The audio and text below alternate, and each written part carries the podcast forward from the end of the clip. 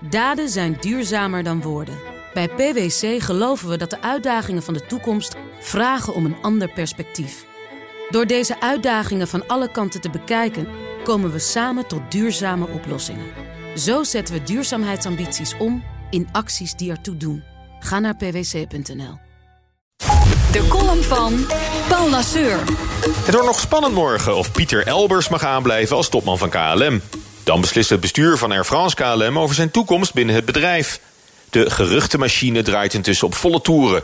Een Franse zakenkrant schreef zondagochtend al dat ze eruit waren... en dat het moederbedrijf een akkoord had bereikt over de concernstructuur... en de verlenging van Elbers contract. Maar smiddags spraken ingewijden die berichten alweer met klem tegen. Dus weten we het dinsdag pas zeker, na de boordsbijeenkomst... of Pieter Elbers het slachtoffer wordt van de vermeende machtsstrijd... binnen het luchtvaartbedrijf... En of de Nederlandse lastpak, die altijd dwars ligt... bij plannen uit Parijs om de autonomie van KLM in te perken... eruit vliegt. Wat er ook uitkomt, één ding moet je Elbers nageven. Hij heeft zijn PR goed op orde. De laatste dagen woedt een felle publiekscampagne... in de vaderlandse media voor zijn herbenoeming. De ondernemingsraad en de raad van commissarissen van KLM... pleiten voor een nieuwe termijn.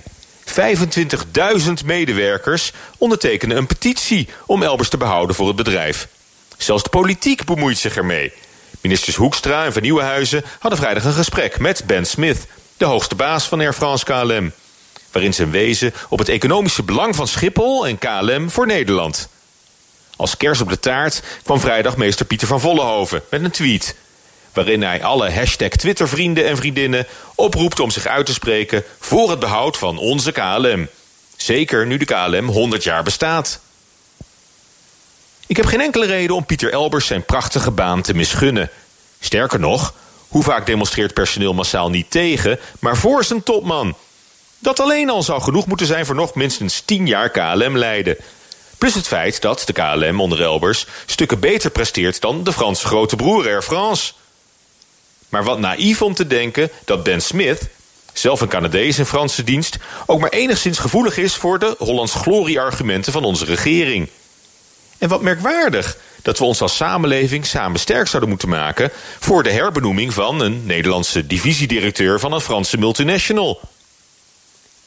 Hoe lang moet het nog duren voordat we inzien dat de luchtvaartindustrie... een gewone bedrijfstak is, als alle andere?